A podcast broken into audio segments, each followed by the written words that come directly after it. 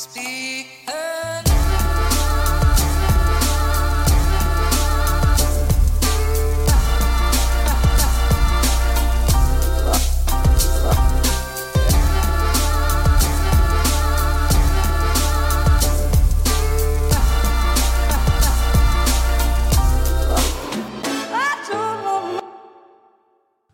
har jo ikke ropa 'Heil Hitler', sant? Han har ikke fra talerstolen ut til det norske folk.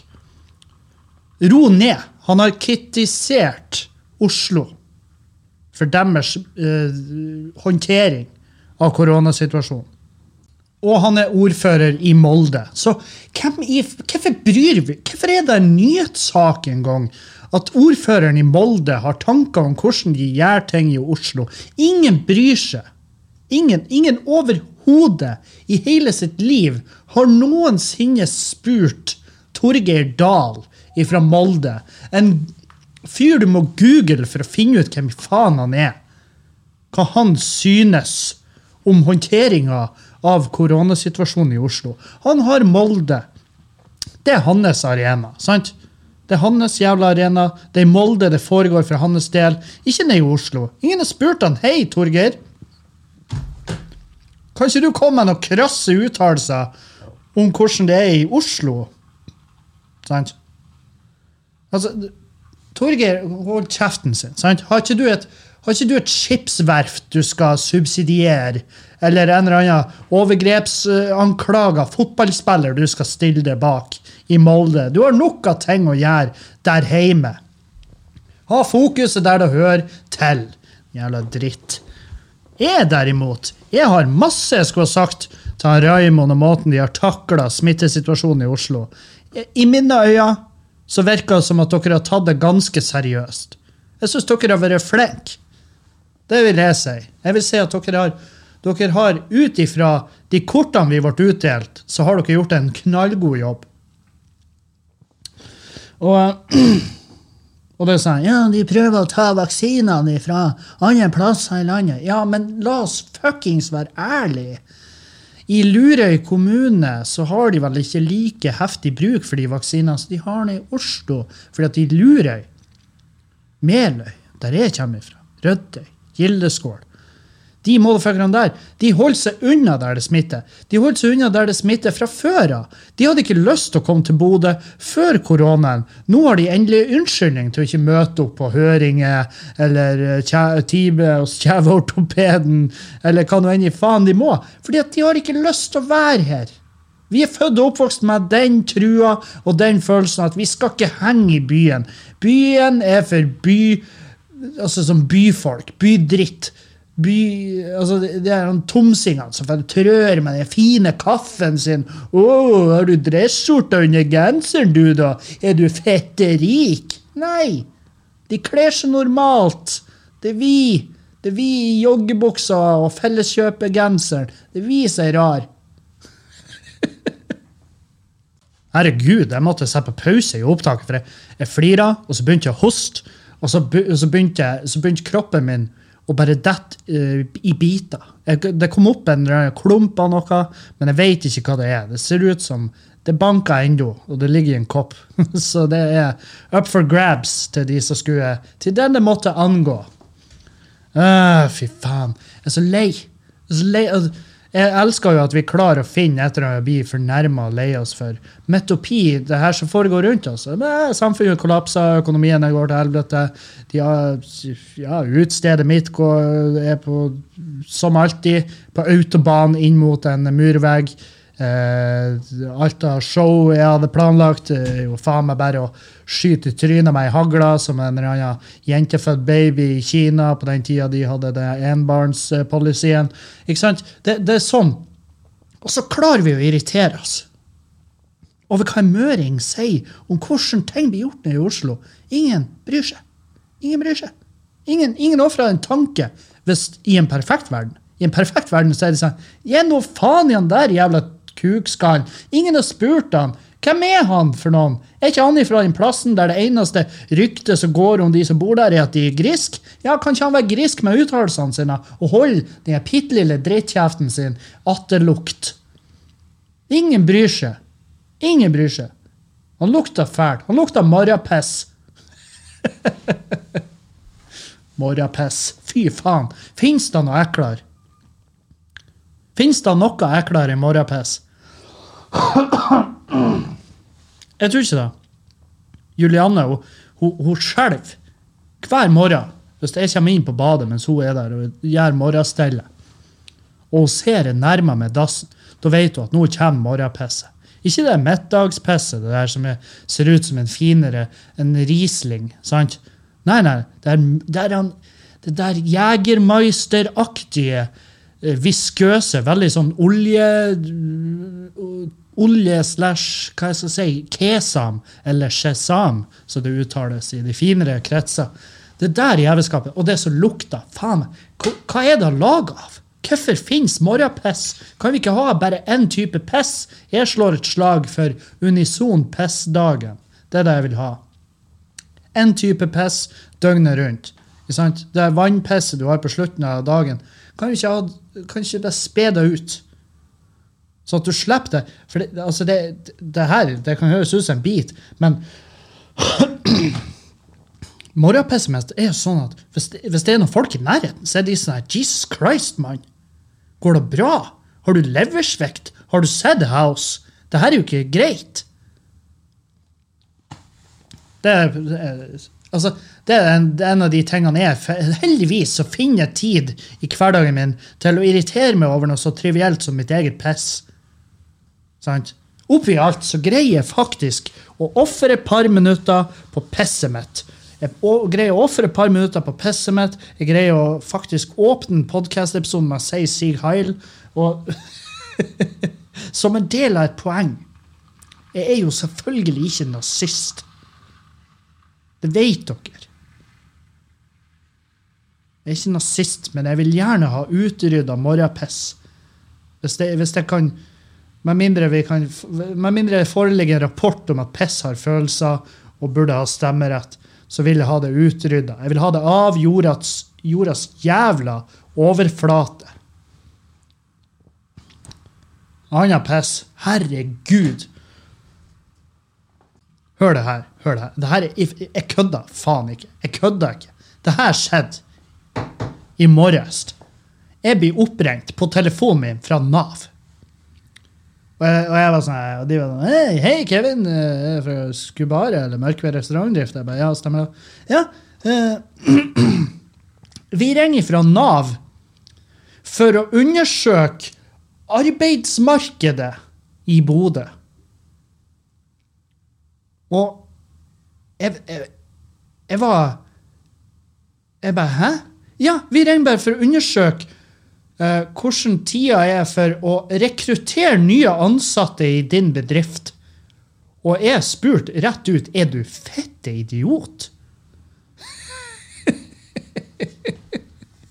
og hun ble sånn her altså Hun flira. Altså, hun var selvfølgelig heldigvis på mitt lag. Hun var sånn, det her er sånn ferdig pre-record altså, Ferdigskrevne spørsmål som hun må stille. Jeg bare, ja, men for faen, det må nå gå an å hoppe over et. Det er jo som å spørre han der fyren som fikk sprengt av seg føttene på ei landmine i Kosovo, hvordan størrelse han bruker i sko. Skal jeg svare tidligere, eller? Nei, når jeg hadde føtter, så var det 42 41 eh, 43 hvis jeg kjøpte Salmonsko, fordi at de opererer av en eller annen grunn med helt egne størrelser. Hvordan er markedet for rekruttering innad i din bedrift for tida? Vel, la meg si det sånn her. Vi er døde. Det, det hovrer haug, det, det gribber som flyr i ring rundt denne jævla bedriften. De står på rekke og rad står det kreditorer utenfor døra her med bitte små meiselhamre og poser og sånne her melkekasser. Og de står og skjelver, og de prater seg imellom. bare, 'Hva er det du skal ta når de åpner konkursboet?' 'Hva er det du har krav på?' Så, og så ringer du meg og spør hei, hvordan kunne du ha tenkt, kunne du ha tenkt deg å rekruttere noen nye folk. Nye folk til hva? Bærehjelp! Det er da du ser for deg Hvorfor ringer du? Du må kunne endre på spørsmålene.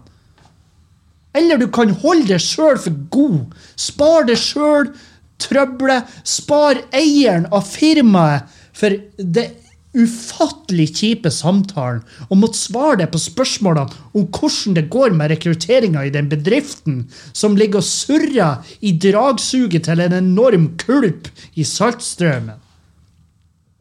Hvor i faen tror du vi er på tur hen? Vi er på tur rett til helvete. Rekrutter Det du må rekruttere, er psykisk helsehjelp. Du må rekruttere tvungen psykisk helsehjelp til meg og min kompanjong i bedriften vi har lagt det siste året. Alt av penger vi noensinne har sett med våre to øyne. Det er på tur til helvete. Det du trenger å gjøre, det er å bryte inn i huset mitt og sørge for at det ikke finnes et våpen der, eller et tau, eller en kniv, eller noe av medisiner som kan sørge for at mitt ånderettssystem stenger ned hvis det spiser det i for store mengder, så søvner jeg stille inn. Det er det du må gjøre. Du må ikke spørre meg hvordan det går med rekrutteringa i den forpulte bedriften min.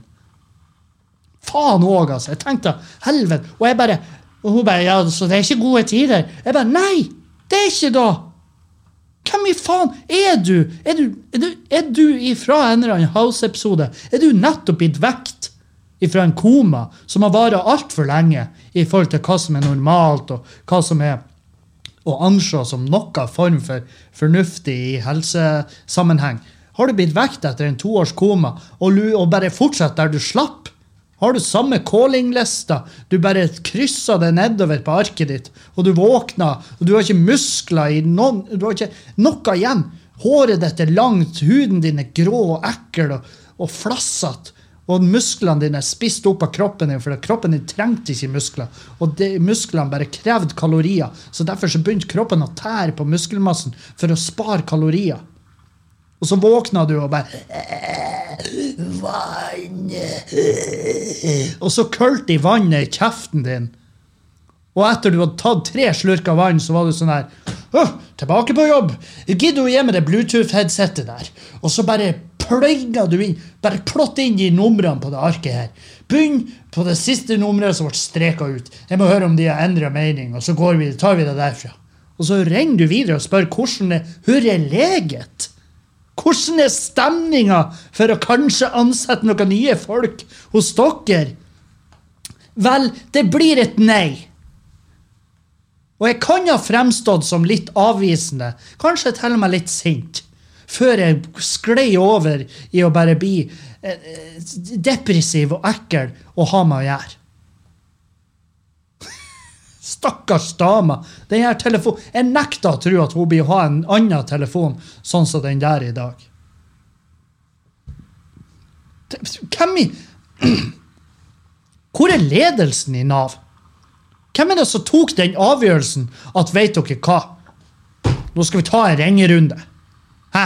Skal vi ta en ringerunde rundt til alle de bedriftene som ikke har fått ei forpult jævla krone fra oss? Skal vi ta en ringerunde til de og høre hva det går? Når jeg fikk den telefonen Det her er ikke kødd. Jeg trodde faen meg det var terror. Jeg trodde det var telefonterror. Jeg trodde jeg var med på et eller annet følelsesløst radioprogram, eller at jeg hadde en eller annen kompis som jeg gleda meg til å kutte ut som kompis, og bare aldri ha kontakt med igjen når de ringer og spør hvordan det går. Om, om, kanskje, om, det kanskje er på tide å kanskje ta noen inn på uh, noen lærling. Lærling i hva? Lærling i å brette pappeske og teipe til att. Jesus, for en jævla Nei, så ja, dere skjønner. Eneste, altså, eneste grunnen til at jeg spiller inn podkasten nå, uh, i den formen altså, Jeg har vært, jeg har vært barbert meg, og det, og det gjør underverk for, for, humøret. Heldigvis. Har ikke vært for at jeg har vært barbert meg, så hadde ikke jeg turt å spille inn nå. Da hadde jeg venta til seinere i dag, til at jeg mest sannsynlig hadde roa meg ned, eller medisinert meg ned. Jeg hadde gjort de grepene jeg måtte gjøre for å bare sørge for at jeg kan spille inn i podkasten uten å drapstrue noen. Uten å drapstrue et helt jævla norsk system på tre bokstaver. Det er jo ikke løsninga. Det er jo ikke løsninga å havne i fengsel fordi at jeg er forbanna på et statlig eid firma. Og det er jo ikke Er det Nav? Er det, er det, er det en gang Nav som skal betale ut støtte til de bedriftene, de fem bedriftene som faktisk er eligible for støtte i Norge. Fy faen, jeg hater Jeg hater, jeg hater hele driten. Fordi at det er liksom the go to-spørsmål hos alle. Ja, får dere ikke noe stønad? Nei, vi gjør ikke det. Og du kan spørre de firmaene, de få pubene, som faktisk får stønad. Du kan spørre de hvor fett det bra den er. Det er en vits! Det, det, det er frekkere enn å ikke gi oss penger. Så jævlig forpult ræva er den. Jeg blir bilsjuk. Jeg blir da. Jeg blir bilsjuk av den jævla berg-og-dal-banen. Eh, åpne, steng, åpne, steng. Hold kjeft. Ikke, ikke drikk øl uten å spise mat. Ikke spis mat med øl uh, på sida. Øla må stå på nabobordet. Ja, du kan ikke servere over disk. Du må gå rundt bardisken og ha håndhels på de. Og så må du stille det på hendene, og så må du se om du klarer å balansere det glasset med øl på din egen skosåle. Og så senker du skoen i en eller annen form for opp-ned bulgarsk utfall, og serverer øla da rett inn i kjeften til kunden. Kunden må aldri ha kontakt med ølglasset med hendene sine. Det er sånn her vi unngår smitte. Tusen takk for dugnaden! Takk for at dere deltar i dugnaden! Skyter sjøl.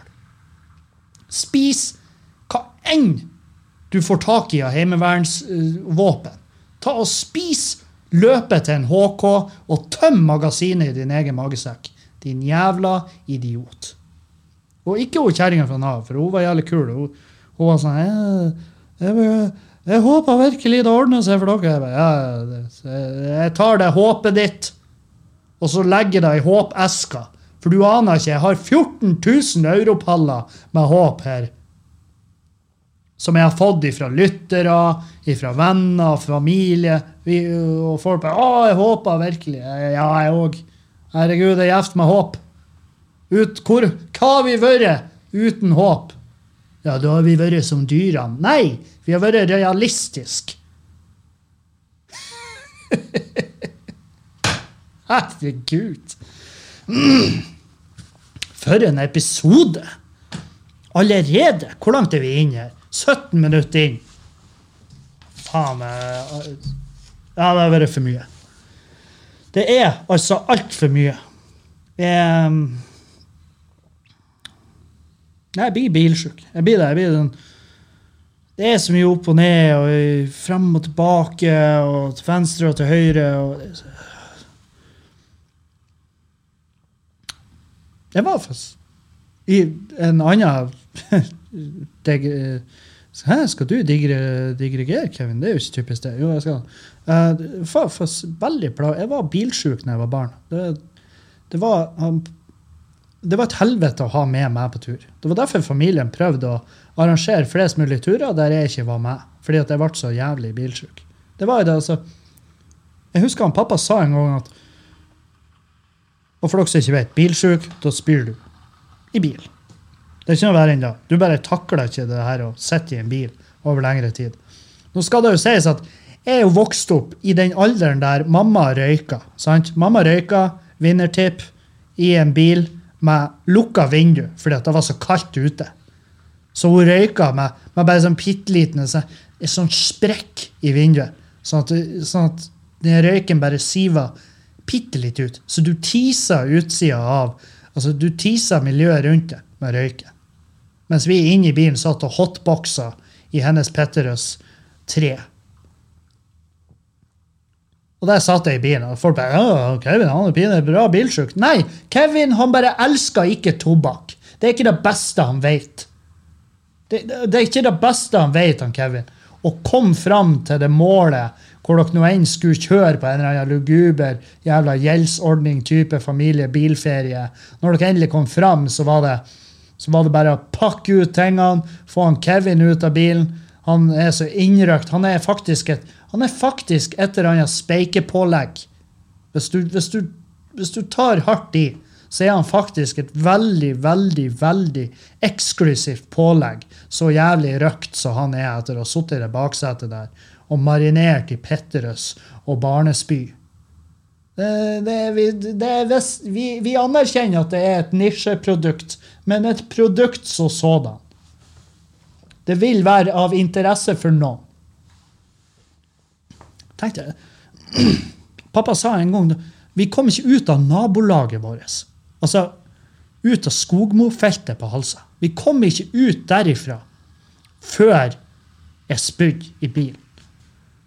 Og han, pappa han gjorde så jævlig mye corny grep for å få meg til å Det åpenbare var å ta en handlepose, trø den over hodet mitt, så hang han der. Så jeg satt og lukta i plastikk.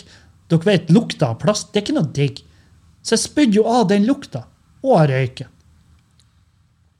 Og så ordna han en gang at det her, det, det her er, altså Jeg må nesten tegne det for at dere skal forstå. Men jeg kan prøve, jeg kan prøve å tegne det bildet med ordene mine. Men det han gjorde Han tok ei plate og skjærte den ut i formen av vinduet. Det, jeg kødder ikke, folkens. Pappa, rørlegger og oppfinner. Genial mann. Elsker han pappa. Elsker han overalt på jord. Eh, også av alle de historiene han har gitt meg. Eh, Dette er ei av de. Pappa gjør det til sitt mission å få bukt med, min, med mitt eh, problem med at jeg kaster opp når jeg er ute og kjører bil. Så han tar ei plate, og så skjærer han ut i form av vinduet bake der jeg sitter i bilen vår. Så han skjærer ei plate i formen av det glasset der. Og så setter han den inn. Han, han heiser ned vinduet, hele veien ned. Så setter han inn plata, og så heiser han opp vinduet sånn at den plata står i klem. Done. Steg én fullført. Steg én i Kevin, Kevins antispy-taktikk. Neste han gjør Pappa er rørlegger, så han borer hull i den plata. Og i den plata så setter han ut en rørstuss og et beng. Et beng som gjør at bilen fanger opp luft. For det var jo det som var problemet mitt når vi kjørte biltur. Det var at jeg følte ikke at det var god nok luft. Og det, la oss være ærlige, det var det jo ikke god nok luft. Når du har foreldre som sitter og røyker som om, som om det var en konkurranse. Som om det var det som var nøkkelen til å få sterke og fine lunger. Det var hvis du greide å Altså, hun fyra på neste røyken med den forrige. Så mye røyka mamma. Så han festa den rørstussen og det bendet så det sto ut av bilen og fanga opp fersk luft. Så jeg var basically i baksetet uten å stikke hodet ut av bilen. Så, så var jeg de hundene. sant? Du vet når du kjører tur med en hund så du har løs i bilen, som ikke er en god idé, forresten, men det er noen som gjør det fordi at de føler at eh, deres hund deres hund forstår at hvis du havner i en kollisjon, så må den hunden skynde seg ned i, i, og legge seg i duck and cover. Så din hund er smartere enn alle andre hunder i hele verden, for at din hund har fem stjerner i, eh, i den sikkerhetstesten. For de har faktisk tatt den hunden og testa den tidligere. Hvor de har, hvor de har sprunget i 50 km i timen kasta den hunden i en, i en murvegg og funnet at den hunden den er supersikker.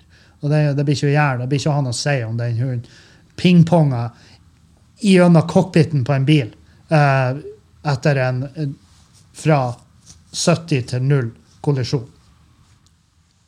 Så blir ikke den hunden å veie 2,5 tonn når den treffer fortennene dine. Det blir ikke han å si da at du har en amstaff fora ned i din egen kjeft. Når helsepersonell finner det og skal liksom begynne å klippe det løs fra det bilvraket for å gjenopplive det.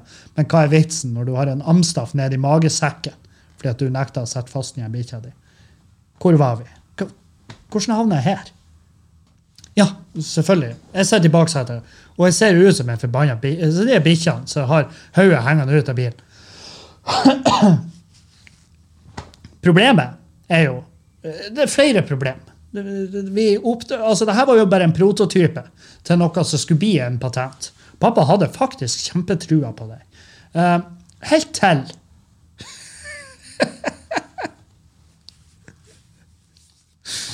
uh, Helt til vi er ute og kjører. Og uh, alles godt. Alt går bra så langt. Vi har fått tak i de luktfrie plastposene. Eh, jeg har hengende rundt hodet. og Jeg sitter med det røret i kjeften. Jeg ser ut som en Jim Carrey-grimase der jeg sitter med, med 200 bars lufttrykk rett i trynet, mens alle de andre i bilen de sitter helt normalt og bare kikker på meg og tenker «Hoho», som om jeg var ei jævla landmine. Ei Claymore-mine. Og de bare sitter og tenker håper ikke den går av, og spyr overalt i bilen. Og jeg gjorde ikke det. Det gikk helt fint. Det, det gikk helt nydelig helt fram til Hva tror dere skjer med den rørstussen som stikker ut?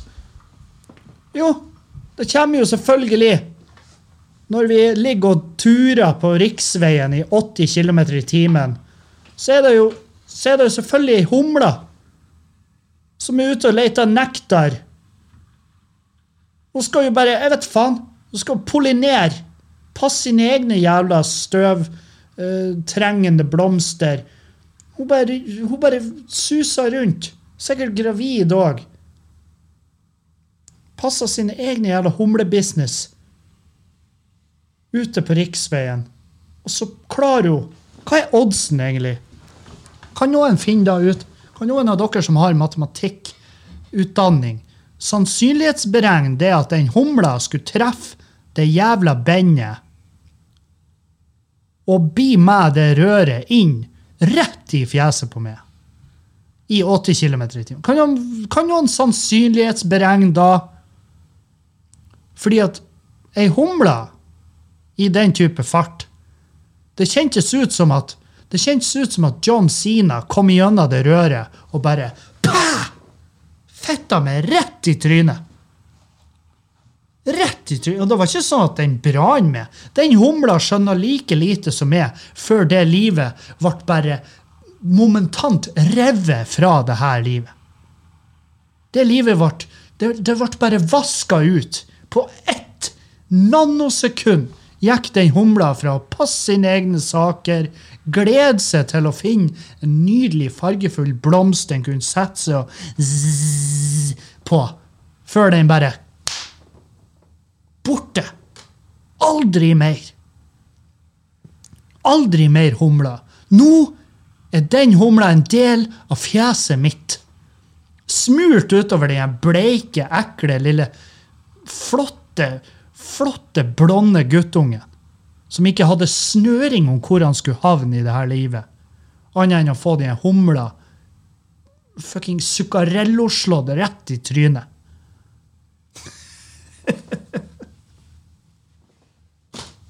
Panikk i bilen.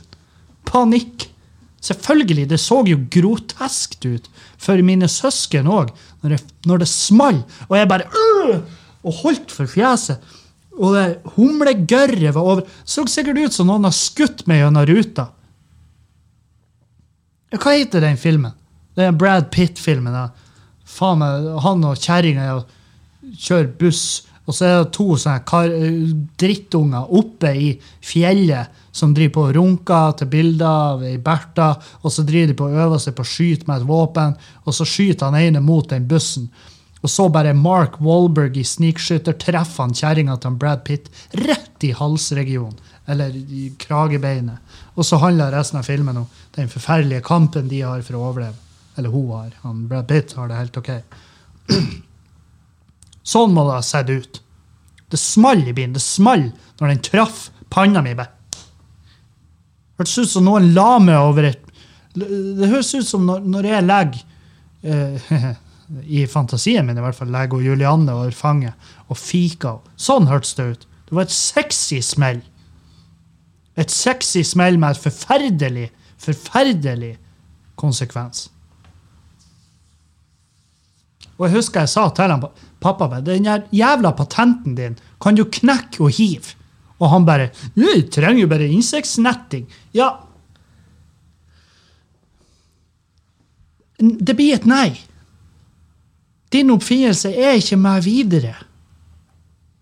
Det er kanskje noe fra Idar Vollvik som han kan pakke om og kalle for et eller annet glory hole for the unexpected. Men du vet aldri hva du får, om du får en kuk gjennom der, eller et insekt som er på tur å drepe det. Jeg vet ikke, hva, vei, hva vil kraften til ei humle være i 80 km i timen? Kan vi regne da ut? Det, kan, det må jo gå an å regne ut. Uh, what's weight speed? Det Å ja. Jeg har ikke internett, så Så jeg skulle gjerne ha fortalt dere det. Men uh, det er tydeligvis nettet er nede, og det kan jo være en, milli, uh, det kan være en angro av grunner til det. Uh, mest sannsynlig er det ei regning.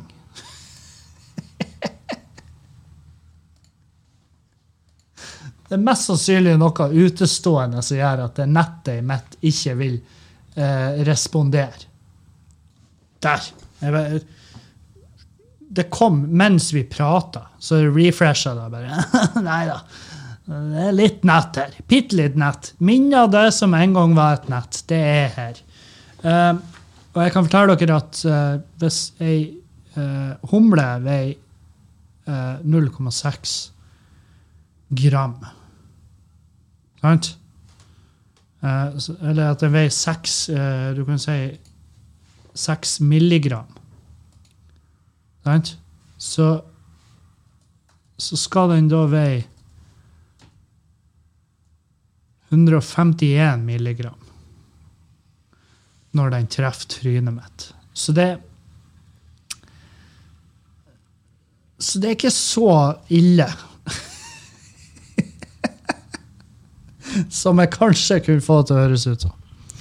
Eh, nå er jo det her matematikken den er jo basert på uh, nullvisjonen agder.no sin kollisjonsenergiutregning. Um, og det står at det, det gjelder fra ett kilo opp.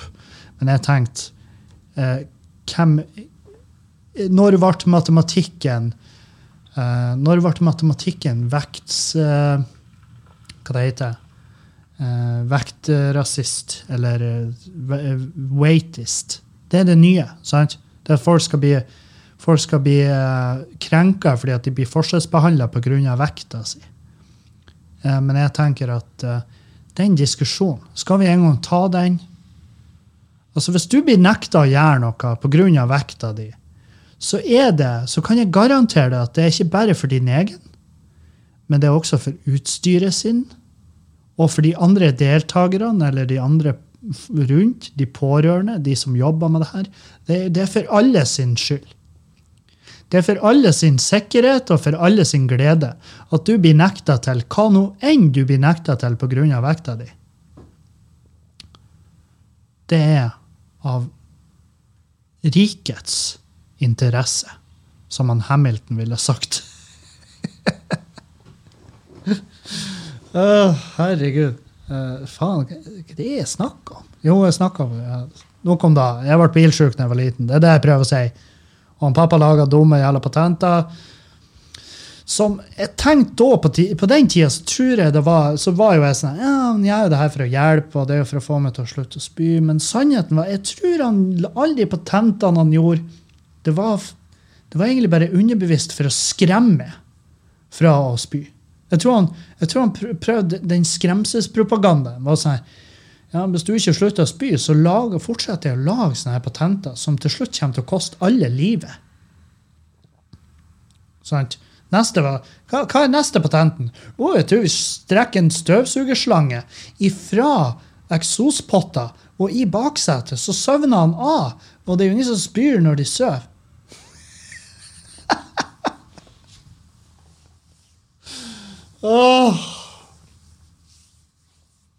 Det hadde vært artig hvis det ble en patent. Det hadde vært jævlig artig hvis det ble en patent, og den ble bare så jævlig perfeksjonert og så fitte svær at jeg slapp å jobbe resten av mitt liv fordi at jeg var bilsjuk når jeg var liten. Så kunne jeg og pappa reise rundt nå i dag og fronte produktet som han designa for å få meg til å slutte å spy. Sånn at jeg slapp å sitte her og ha fette angst for fremtida. Sant? Så at jeg slipper å sitte her og tenke Kan ikke noen kidnappe meg? Det her, ta Gjør det her, folkens. Hvis du hører på, du har eh, tilgang til fasilitetene som trengs, du har kunnskapen som trengs, og du har kundene klar, så er det her mitt samtykke. Mitt uforbeholdne samtykke gis nå herved fra meg, Kevin Kildahl, født den 22. i 2. i 89 så har du lov ifra meg å ta med når jeg minst venter det. Og jeg skal ikke merke det. Du skal bare Du skal bare bedøve meg og stjele organene mine og selge dem. Du skal få 20% i agenthonorar for mine organer. Og så selger du det noen har bruk for. Jeg vet faen hva det blir. Jeg hører at eh, øyelokk er et organ. Jeg vet ikke. Bruk det du kan.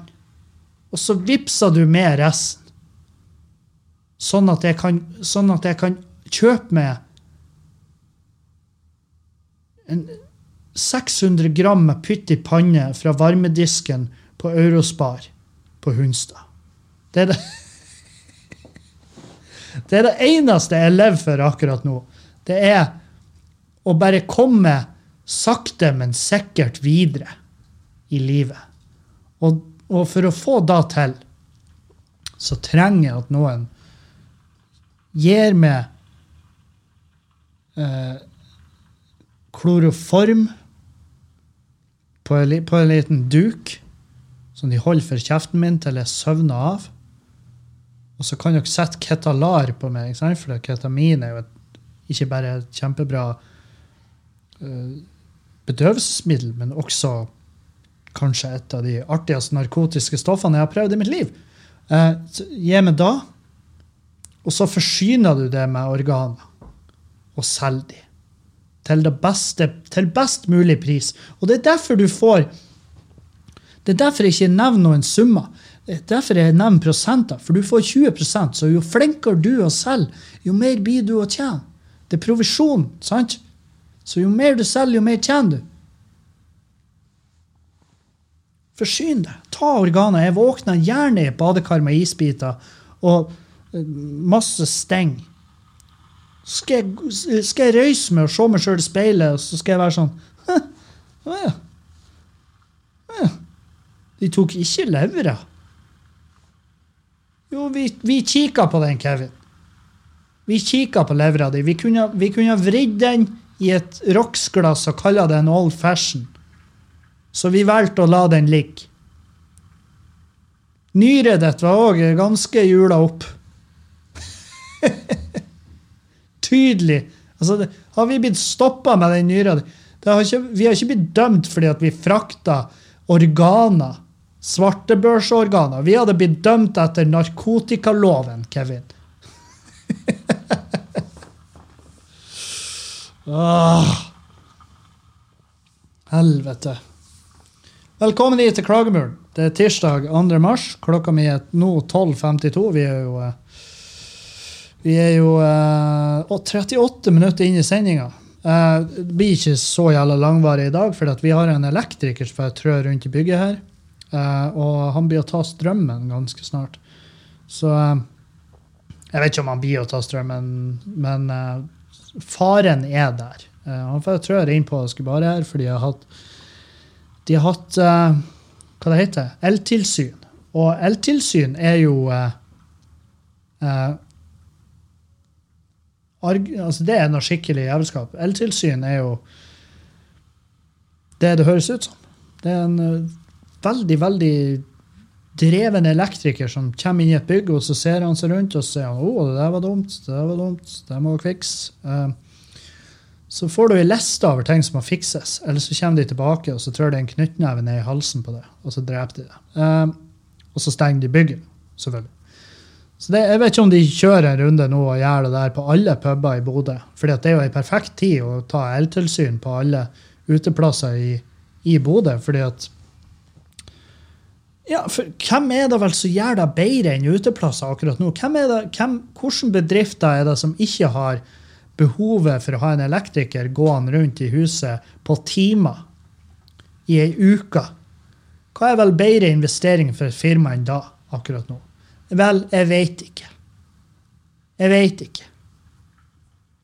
Men ja, jeg, jeg, kan nesten garantere at vi er den eneste puben i Bodø som har fått eltilsyn nå.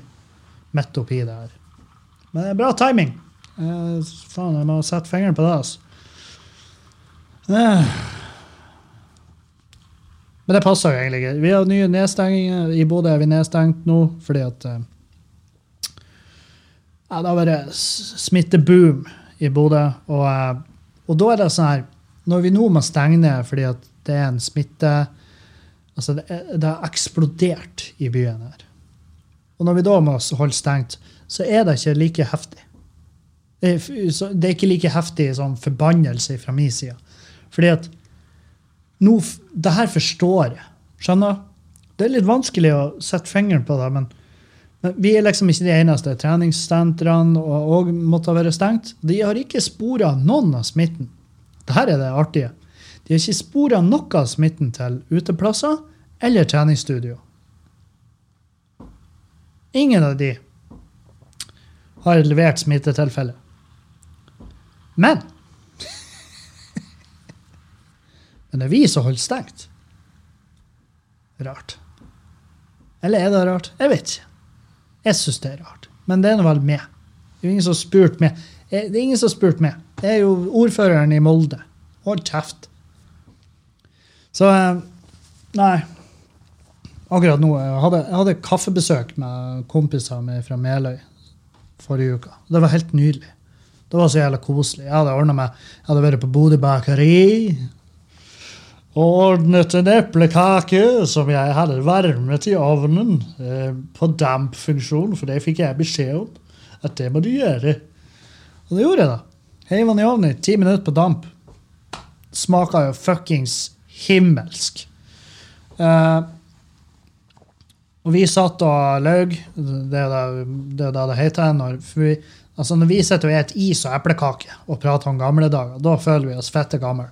Så vi var fire mann som satt og var 90 år gamle på kjøkkenbordet mitt og spiste eplekaker og is og kosa oss. Og laug. Laug om uh, ting vi har gjort. og eh, og da, kjente jeg Det første jeg, jeg kjente Jeg hadde et par sekunder der jeg tenkte Jeg er faen meg sjalu. Jeg er sjalu over at de bor i Meløy. For det, der er hele det koronagreiene her altså Meløy er fette nært Bodø, men det er ikke så nært. Så det, koronasituasjonen i Meløy har vært eh, rimelig helt OK.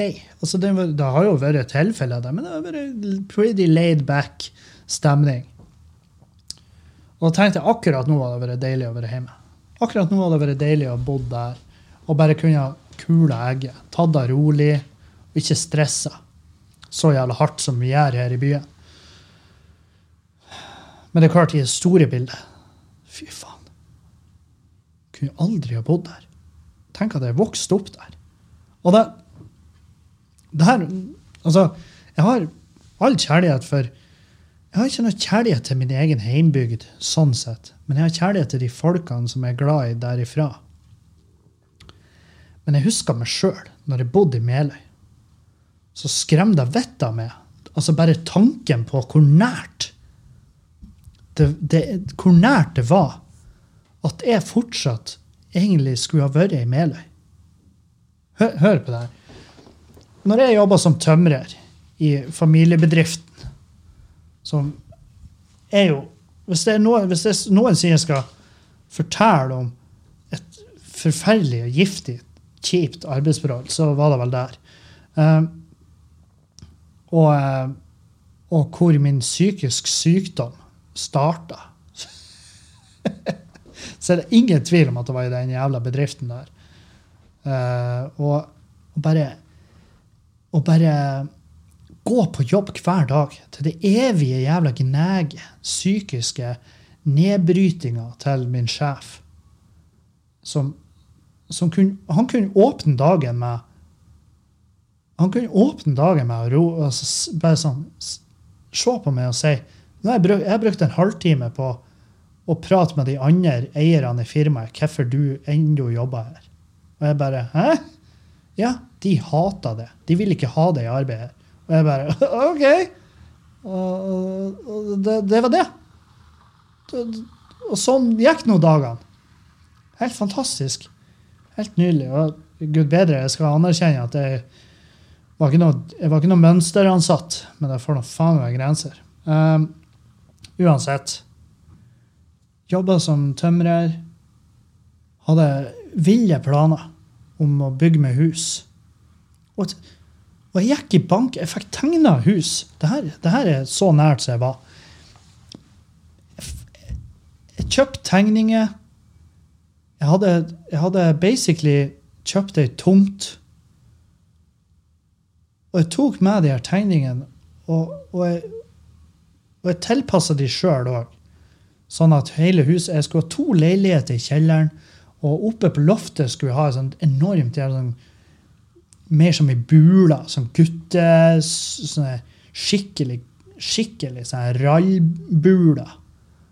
Um, og to leiligheter i kjelleren som skulle leie ut. Og med de, bare med inntekten på de leilighetene skulle jeg liksom finansiere hele huset. Det, det var basically det som var planen. Og med egeninnsats eh, som uh, hva Egeninnsats som egenkapital. Det var jo en tid det gikk an. Det, det er ikke over. Fordi at det å bygge seg et hus det er forbeholdt folk som er fette rike, ikke oss vanlige døde. sant? Så vi vanlige døde vi må bare innstille oss på at skal du ha et hus, så må du nesten Enten så må du suge masse, masse trailerkuk, uh, trailersjåførkuker proft. Eller så må du være superheldig at du har noen foreldre som uh, basically er ferdig nedbetalt på Sinnalån, sånn at de kan stille sitt eget hus og hjem som sikkerhet for at du skal kunne få deg et hus og hjem. Tenk på det. Og jeg gikk med tegningen av det jævla huset mitt inn til han Sture, tror jeg det i, Nord i, i banken i Meløy. Og jeg visste han tegningen, og jeg fortalte han om huset mitt, og hvor fette bra det var. Og jeg skulle leie ut to leiligheter i kjelleren til ansatte inn på industriparken i Glomfjord. Det skulle bli så fette rått. Og han var sånn her ja, faen, det her huset ser jo helt fantastisk ut. Kjempegodt jobba, Kevin. og Så artig at du har lyst til å etablere det her i kommunen. Og så gikk vi bare, og så sa han bare Men du må vente litt. Og jeg var OK? Og han bare Ja, du må vente litt. Uh, du må vente til Du må vente et par måneder. Og så sa han prøv å spare så mye penger som mulig. Uh, du må vente litt.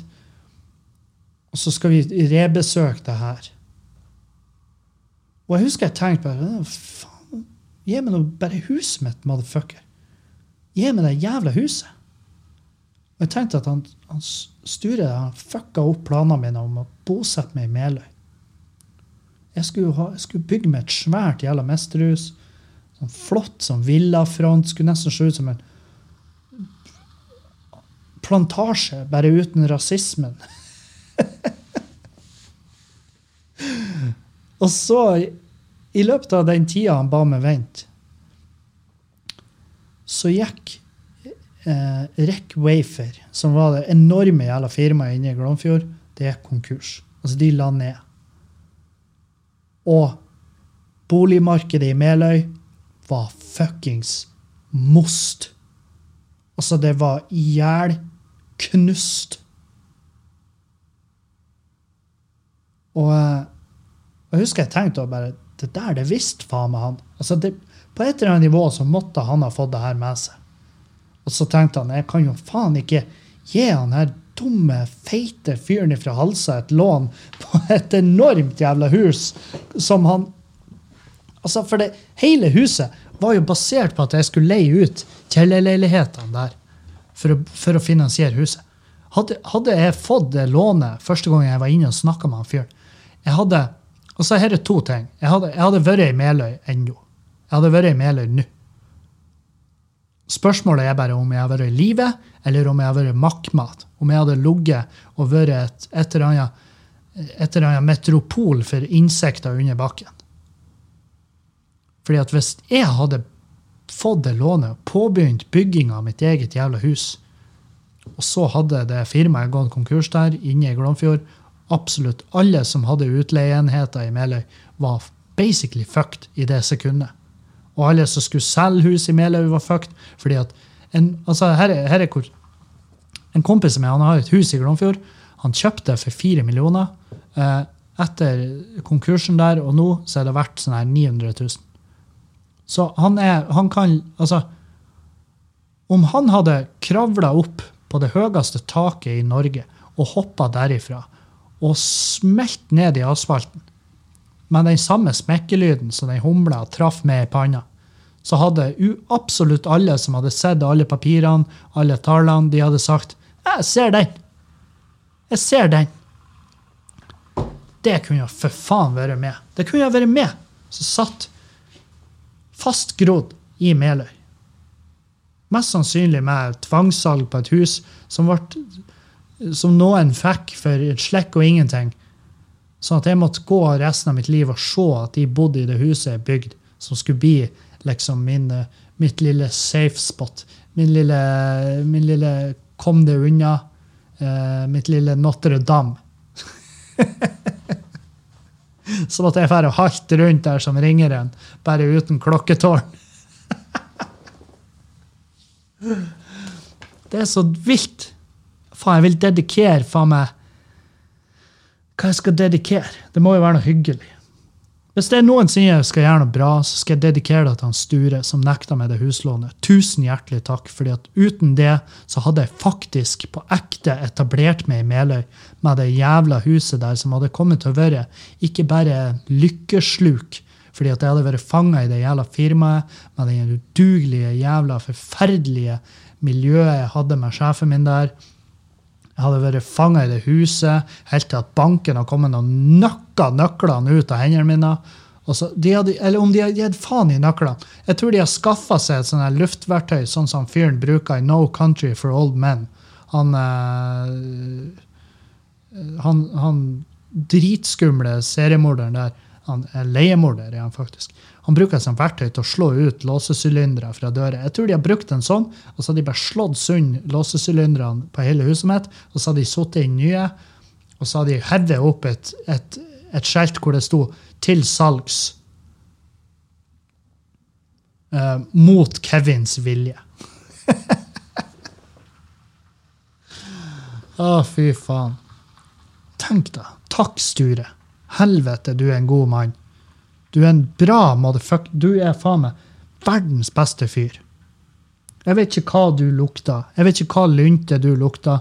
Om du så inne på dine systemer at eh, de som hadde de store eierne i eh, REC, begynte å selge unna sine aksjer fordi at de merka at det var på tur å skje, og de tenkte ja, ja, vi som, eh, vi som daglig leder vi må nå komme best ut av det, så kan vi heller bare hive de her udugelige jævla bondene som jobber på gulvet, de kan vi hive under bussen. Det er jo null stress. Og så, bare, og så selger de seg ut, og så ser han da bare ja, vi kan ikke gi han dumme jævelen her et huslån, for da, da, da, da har vi et tvangssalg på gang om seks måneder. Fy faen, det er så nært. Åh! Herregud. det her er artig. Eh, nå av Det er jo ikke artig at vi har måttet stenge ned puben, men vi forstår det. Vi har en viss forståelse nå. Nå er det kjempelokalt, og da tar lokale myndigheter de avgjørelsene. Da klager ikke jeg. Fordi det har jo jeg kjempa for tidligere. Så har jeg argumentert for at vi eh, må, må la lokale myndigheter bestemme. Og nå har lokale myndigheter bestemt at vi stenger ned. Greit, da stenger vi ned. Eh, Så gikk Coop Nordland ut og ga beskjed om at de har påbud om munnbind i sine butikker. Og det her er jo selvfølgelig i ei, nettavis. I ei nettavis så vil jo det her være eh, grobunn for diskusjon. Og det var det jo i Avisa Nordland. Og da tenkte han Kevin at nå skal jeg være litt gøy. Så det jeg gjorde, var at jeg laga et bilde. Jeg laga et bilde av en togkonduktør. Var, jeg fant jo et bilde av en togkonduktør. Og så lima jeg inn trynet til Kari Jakkesson på den togkonduktøren, og så la jeg ut, og så skrev jeg alle om bord i Kari Jakkesson-toget. Eh, under her kan du kommentere kan du legge alle kommentarer hvis du tror det her er en konspirasjon, etc. Og så kommer det herligste mennesket jeg noensinne har opplevd i sosiale medier. Og det, det verste med henne her, Bertha, det er at jeg vet ikke om hun er seriøs. Det er da som er problemet mitt med henne. Det er at jeg vet ikke om hun kødder, eller om hun er seriøs. Uh, men hun legger i hvert fall ut et bilde under det bildet mitt. Så legger hun et bilde hvor det står Never forget the Nazis had a phrase. Für ihre Sicherheit. Så jeg vet ikke om det er bra tysk. Neppe. Tviler. Uh, it's for your safety. Så er det bilde av hakekorset med et munnbind på. Hæ? Det er, og det er grunnen til at jeg ikke tror Jeg tror ikke hun kødder. Jeg tror hun mener det her på ekte. Hun drar paralleller mellom Coop Nordland og deres påbud om å ha på seg et munnbind, og det nazistene gjorde under andre verden. De trødde jøder i togvogner som om det var fe eller kyllinger i en kyllingfarm, eller mink i Nei, minkfarmene de er jo nedlagt nå. Åh, buhu. Sant? Altså, hun drar de parallellene. Det er helt nydelig. Og hun heter Hva var hun heter? Jeg, jeg, jeg, jeg tror det er en tullebruker. Det må det være. Det er tullebruker. Hun heter Svetlana Jensen. Det får da faen meg være grenser. Men det beste, det er jo han Børge. Børge Johnsen. Eh, jeg, prøver, jeg prøver å bestemme om han er seriøs, han. Jeg, Kikka litt på han, har norgesflagg i profilbildet sitt, og litt sånn her. Da tenker jeg at ja, det her er en seriøs motherfucker. Og han skriver blir ikke aktuelt for meg. De skal få bære meg ut, hylende og skrikende før jeg bruker noe munnbind på ordre. Jeg er faen ikke noe hund som sitter, sitter, legger meg ned eller blir på kommando. Uh, og det har jo selvfølgelig uh, Det har jo selvfølgelig eh, ja, starta et par diskusjoner. Jeg gidder ikke å klikke meg inn på det engang, for jeg vet at da forsvinner hele dagen. Men jeg bare elsker Svetlane Jensen, som drar, de parallellene mellom Coop Nordland og Nazi-Tyskland på eh, 30- og 40-tall. Som hun burde. For det er jo, la oss være ærlige, akkurat det samme. Uh, faen for noen idioter. Det er det fine med idioter. det er at de, går på en måte ikke ut på dato. Det er klart, Idioter vil jo ofte dø uh, tidligere enn super, supersmarte folk, fordi at super, supersmarte folk har jo en uh, Intelligensen vil gjerne holde dem i live litt lenger enn idioter. Men, uh, men det kommer til å bli født idioter på nytt og på nytt og på nytt helt til vi dør. Heldigvis. fordi at idioter er jo faen meg det artigste som fins. La oss være ærlige. Det er det artigste gjengen som fins. Jeg har vært idiot. Jeg ble tatt på fersken i å stå og kjefte på mine egne testikler. Eh, her er greia. Eh, det har vært så mye i det siste. Sant? Ryggen min fucka meg over. eh, puben, alt mulig. Inntekt, eh, show avlyst. Alt går til helvete. Absolutt alt går til helvete. Den jævla Chevroleten min, fuckings eh, ikke få meg i gang på den jævla golfen. Nå har det jo skjedd en til. eh, Den jævla e-golfen. Jeg vet faen om e-golfen hører på podkasten, og så er e-golfen blitt forbanna for den ranten jeg har hatt på e-golfen. Så e-golfen han bare fant ut at vet du hva, hvis det er sånn her det skulle være, så tar jeg varmeapparatet. Det er da som skjer. E- Varmeapparatet i e-golfen borte. Det, det, det er ikke borte. Det er ikke sånn at det er fysisk borte. Det bare funker ikke lenger. Så du har ikke varme i bilen. Vi, vi har kjørt den inn på Surline, så sa vi fiks, bare fuckings få deg i. Og få en annen bil imens. Så nå kjører vi rundt i en ID3, som er jo et smart, kjempesmart valg av Surline, å låne oss en sånn. For vi har jo selvfølgelig lyst på en sånn nå. Og nei, jeg har ikke merka til det dugg-problemet som alle prater om. Men eh, nok om det. Poenget mitt er at det er jævlig mye. Det er jævlig mye som skjer for tida, jævlig mye å tenke på, jævlig mye som eh, Spesielt det her med ryggen, for jeg har følt meg som en jævla idiot. Kan ikke hjelpe til på puben, kan ikke hjelpe til, kan ikke gjøre noe hjemme. Så jeg har vært, men jeg har fått medisiner, så jeg er tungt medisinert til hver tid. Eh, Så jeg er ute og går på butikken, kommer inn på butikken, og så kjenner jeg at eh, så kjenner jeg en sterk sterk smerte i, i ene ballsteinen min. Ene, ene testikkelen min. «Øh, Er ikke du sterilis? Ja, jeg vet, men de fjerner ikke testiklene. De er der ennå. De er der ennå, de har bare kutta det transportbåndet. sant? Så testiklene er der.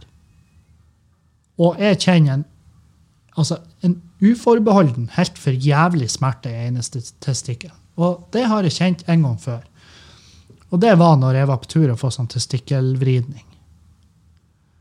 Uh, og det her er mens jeg er på butikken, så jeg, så jeg skvetter til sånn her.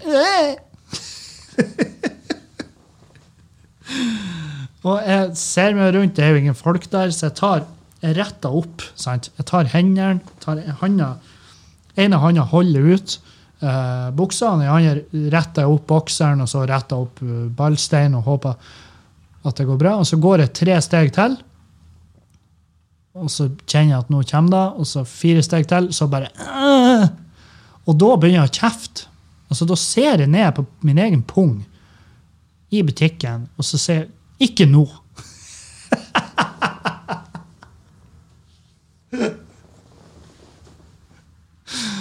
Og jeg sier 'ikke nå' til mine egne jævla baller. Står og prater til dem som som om det var mine egne unger. Og det er jo da akkurat det, det motsatte av mine egne unger. Det er de, de som kunne ha laga unger for meg, som jeg har vært inne med en kirurg og aktivt ødelagt for. Så mine ikke-eksisterende barn, eller mine høyst ikke-kapasitetbærende babymakers, de står jeg og kjefter til. Jeg står og kjefter på de inne på butikken, og jeg snur meg etter å ha sagt 'ikke nå'. Og jeg prøver å gå videre, og når jeg da løfter hodet, så ser jeg bare én av noen føtter som forsvinner bak en reol. Og da tenker jeg at ja, nå er det noen som har sett at jeg står inne på butikken og kjefter på mine egne baller. Det er det livet jeg lever. Det er det livet jeg lever nå. Det er at jeg går rundt på butikkene og kjefter på min egen jævla pung. Det er ikke, det er ikke, rart, det er jo ikke rart vi ikke mottar noe støtte. Det er jo fordi at jeg skulle hatt det jo tvungen psykisk helsevern.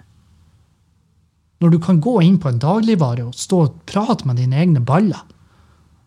Som om det var unger som spurte om de kunne få godteri. Ikke nå! Hvis det er sånn her det skal være, så kan du gå og sette deg i bil. Å, fy faen. Ah, Jesus. OK. eh, et par eh, kunngjøringer. Eh,